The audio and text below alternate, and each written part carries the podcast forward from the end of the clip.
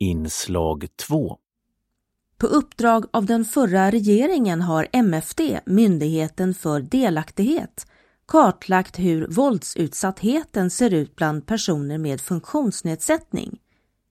Rapporten visar att personer med funktionsnedsättning utsätts dubbelt så ofta för våld jämfört med övriga befolkningen och kvinnor kan vara extra utsatta.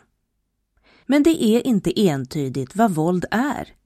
Det kan se olika ut just för att det drabbar personer med funktionsnedsättning som ofta är i någon form av beroendesituation. Maria Melin, MFD, projektledare för det här arbetet. Våld är ju som, som begrepp och som företeelse väldigt komplext. Det finns de våldstyper som vi kanske tänker på i första hand. Fysiskt, psykiskt, sexuellt våld, att man blir slagen, knuffad, hotad, utsatt för sexuella handlingar som man inte har samtyckt till. Men sen finns det, det finns digitalt våld, att man blir utsatt online, någon kanske spårar din GPS och, och håller koll på dig på ett sätt som du inte har tillåtit. Det finns ekonomiskt våld där man begränsar någons ekonomiska resurser och försöker kontrollera en person på det sättet. Jag tänkte du sa förtryck, vi har också tittat på hedersrelaterat våld och förtryck. Man tittar på just flickor och kvinnor, könsstympning av flickor och kvinnor som, som ju är förekommande och som ju är en form av våld, verkligen.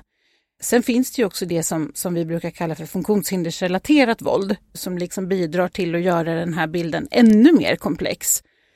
Och det kan ju vara antingen rena våldshandlingar men också mer subtila handlingar som man kanske inte alltid skulle definiera som våld. Om man ställer undan eller slår sönder någons rullstol så att man inte kan fysiskt sett ta sig ur en våldsam eller hotfull situation. Ja, det är ju inte en våldshandling mot personen, men de facto fördjupar det utsattheten och gör att man kanske inte kan ta sig ur ett våld som uppstår. Så det, det, det, är svår, mer svårdefinierat men lika viktigt att, att eh, hålla i, i, i minnet i, när man pratar om de här frågorna. För jag tänkte vi skulle gå in på det eh, just när du säger att det kan vara svårt att veta vad som är ett våld, förtryck eller en ofrivillig begränsning av ens liv. Kan du ta några mer konkreta exempel, eh, precis som du sa, att förstöra någons möjlighet att eh, ta sig utanför hemmet? Det ena är ju handlingar som så att säga uppstår i det vardagliga livet när man, när man som alla andra har ett eget boende. Det kan ju vara till exempel att man flyttar runt möbler i en lägenhet för någon som inte ser. Och att flytta stolar kanske man inte ska säga i första taget är våld, men om du flyttar stolarna i explicit syfte att den här personen ska ramla och skada sig, ja, men då kan man ju i förlängningen hävda att det är våld. Men sen precis som du säger, också det här med, med tvångs och begränsningshandlingar, då rör vi oss mer mot vård och omsorgssituationer. Och det är ju många personer med funktionsnedsättning kan ju befinna sig till exempel i insatser och där kan det ju uppstå gränssituationer där personal i insatsen, de som arbetar där, vill skydda den enskilde men där handlingen övergår i ett förtryck, i ett våld, i en, ett regelrätt övergrepp. Där är ju, finns ju otroligt många gråzoner, mörkertal och svårigheter både att upptäcka och att förstå. Och hur, hur tänker ni kring psykiskt våld? Psykiskt våld är ju svårt. Det är svårare att bevisa naturligtvis än eh, fysiskt våld som har resulterat i blåmärken eller annat som du kan fotografera och dokumentera på ett annat sätt.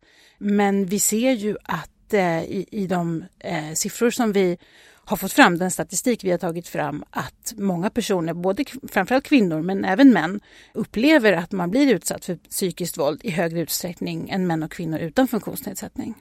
Då tänkte vi skulle titta på den här statistiken. Det är 9,3 procent av alla män och kvinnor med funktionsnedsättning som har besvarat den här frågan att man har blivit utsatt för sådant våld under det senaste året. Och för män och kvinnor utan funktionsnedsättning så är det mer eller mindre hälften så många som har svarat att man har blivit utsatt under de senaste 12 månaderna. Rapporten har också tittat på hur statliga myndigheter, regioner och kommuner kan förebygga och upptäcka våld mot personer med funktionsnedsättning. Och här finns stora kunskapsluckor. Rapporten har använt sig av befintlig statistik och sammanställt den på ett nytt sätt. Bland annat finns uppgifter från SCB, Statistiska centralbyråns årliga levnadsvillkorsundersökning som görs på hela befolkningen. Men det finns ingen undersökning som enbart har tittat på hur våldet ser ut mot specifika typer av funktionsnedsättning, som till exempel synnedsättning. Problemet är att när man, om man plockar ut, man gör en befolkningsundersökning och så först så bryter man ner på kön och då har man stora grupper. Sen plockar man ner på funktionsnedsättning, då har man mindre grupper. När man sen bryter ner också på typer av funktionsnedsättning, då är vi nere på så små urvalsgrupper att det är svårt att säga någonting säkerställt om det. Men vi har samarbetat tillsammans med Stiftelsen Allmänna Barnahus och då har ju de tittat på unga framför allt. Och där har de kunnat se att eh, unga med neuropsykiatriska funktionsnedsättningar och unga som har eh, flera funktionsnedsättningar än en är särskilt utsatta för våld och övergrepp.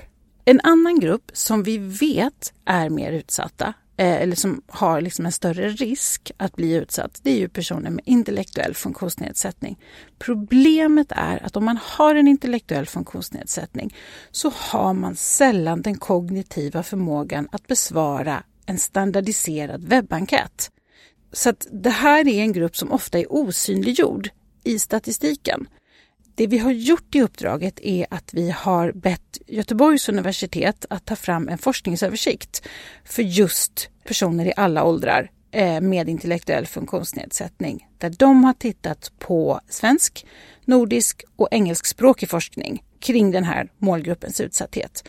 Men i den överlämningsdialogen så sa de att det råder ingen tvekan om att den här, den här målgruppen, personer med intellektuell funktionsnedsättning i alla åldrar, är otroligt utsatt vad gäller risken för våld, hot, övergrepp, både i Sverige och globalt.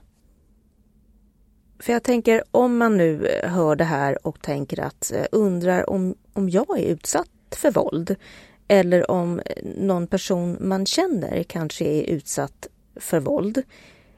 Och så kanske man både själv eller någon annan lever i en familjerelation eller en annan nära relation där man är beroende av partner eller familj. Hur ska man eh, tänka då? Det är ju en väldigt svår situation skulle jag säga och, och det vi också ser är ju att Ofta är man ju kanske, om man, om man har en, på grund av sin funktionsnedsättning en nedsatt arbetsförmåga, så kan man ju också ha ekonomiskt beroende av familjemedlemmar på olika sätt. Eh, om man inte har möjlighet att så att säga bara flytta på sig och ta vilket arbete som helst på arbetsmarknaden. Så det är ju framförallt handläggare och chefer inom LSS eh, lyfter just de här svårigheterna att hjälpa personer som, som är starkt ekonomiskt beroende av, av familjen det man kan göra, alla kommuner ska ha information på sina hemsidor om vart man kan vända sig. Man vänder sig till socialtjänsten, det brukar finnas eh, relationsteam, eh, team för våld i nära relation. Man kan också alltid ringa till Kvinnofridslinjen. Det är en nationell stödlinje som är öppen 365 dagar om året och som drivs av Nationellt centrum för kvinnofrid i Uppsala. Och de finns eh, för alla som är... Nationella kvinnofridslinjen finns naturligtvis till för kvinnor och det är det vi pratar om nu.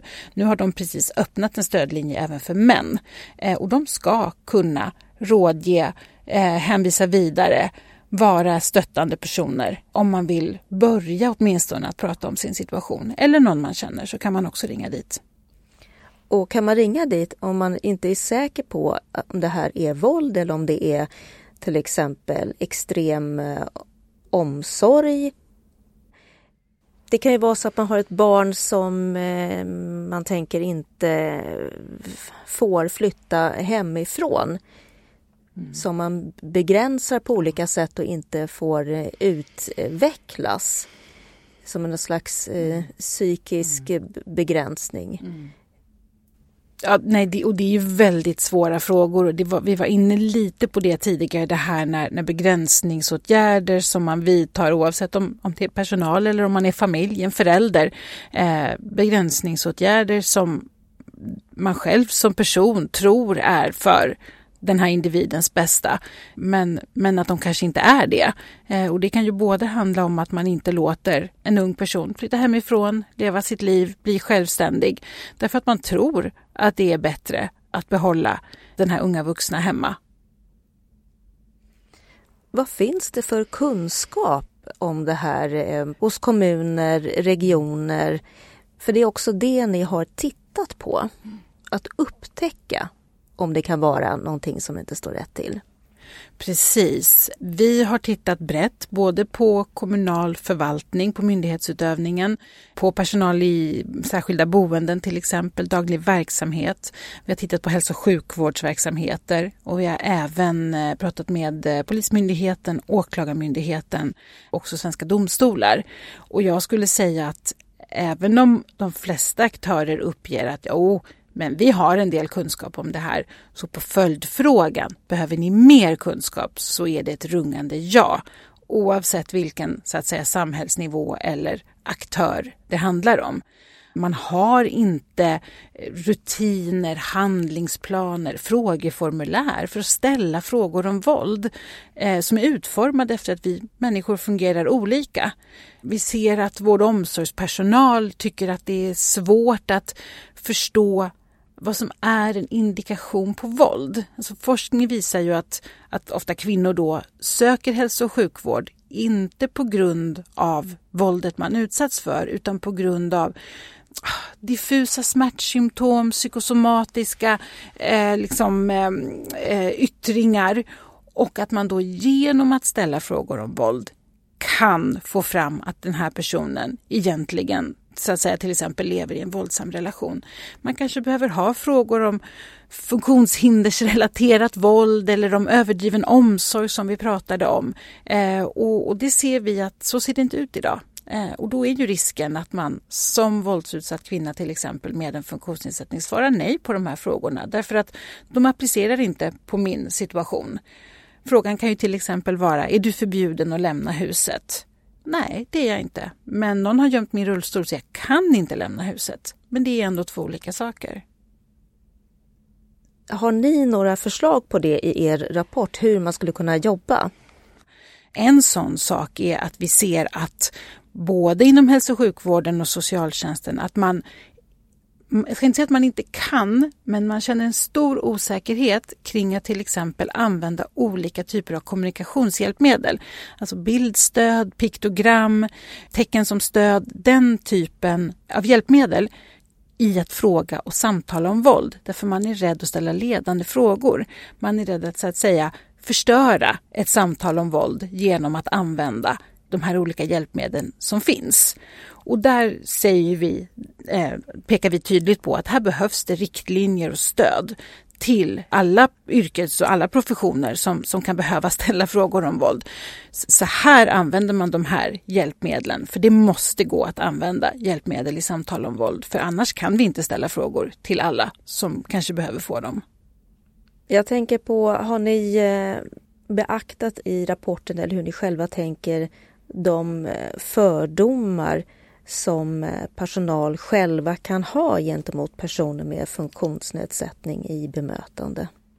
Absolut, det, det har vi. Jag vill också säga det att vi har ju genomgående genom uppdraget samverkat med funktionshindersorganisationerna där vi både inledningsvis i uppdraget eh, och, och, och också löpande har vänt oss till dem för att få deras synpunkter och erfarenheter. Och det här är ju en fråga som de väldigt tydligt har lyft till oss. Att de ser att man ofta möts av stereotypa uppfattningar om vem som kan utsättas för vissa typer av våld. Man kanske ser att en kvinna med funktionsnedsättning inte kan bli utsatt för sexuellt våld till exempel. För att varför skulle hon kunna det?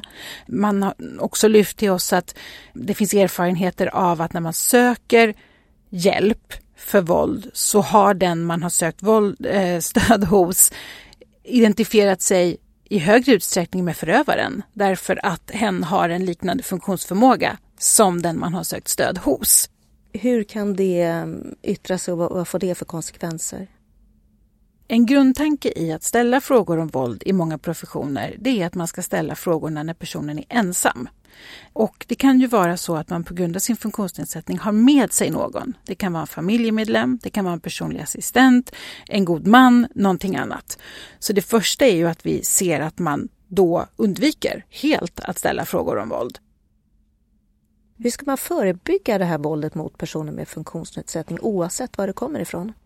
det vi har sett i vår kartläggning det är ju att många av de våldspreventiva program, behandlingsmetoder, insatser som finns idag inte heller är utformade efter att vi fungerar på olika sätt.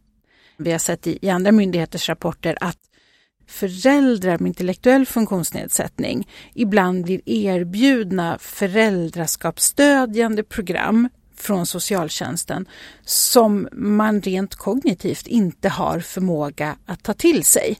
Jag menar, ett föräldraskapsstödjande program kan ju för vem som helst, oavsett om man har en funktionsnedsättning eller inte, vara ett våldsförebyggande arbete eh, för att situationer av våld inte ska uppstå i familjen. Men om man då blir erbjuden en insats som man inte har förmåga att ta till sig, då kommer man ju inte heller att få någon effekt. Det låter ju rätt självklart. Det, det, är som att ha det på, på rätt språk så att säga. Precis, det, det är ju så. Um, och jag skulle säga att vi, vi är inte där tyvärr som samhälle idag. Vi på Myndigheten för delaktighet använder ju ofta det här begreppet universellt utformat. Alltså att när vi tar fram en tjänst, en produkt eller en behandlingsmetod så ska den från början utformas så att den fungerar för att människor fungerar olika. Olika funktionsförmåga, olika språk, olika bakgrund, andra förutsättningar som vi som människor lever med. Men, men eh, tyvärr så har utvecklingen inte alltid sett ut så. Men vi hoppas ju att vi, att vi är på väg dit nu. Men det finns några regioner som har lyckats hitta sätt att jobba mer framgångsrikt. Vi har till exempel sett regioner som har tagit fram den här typen av frågeformulär som vi pratade om, där det finns frågor om funktionshindersrelaterat våld. Eh, nu ska jag bara säga att det här är ju sånt som vi har sett nu och som kanske inte är utvärderat, men vi får ta det som finns.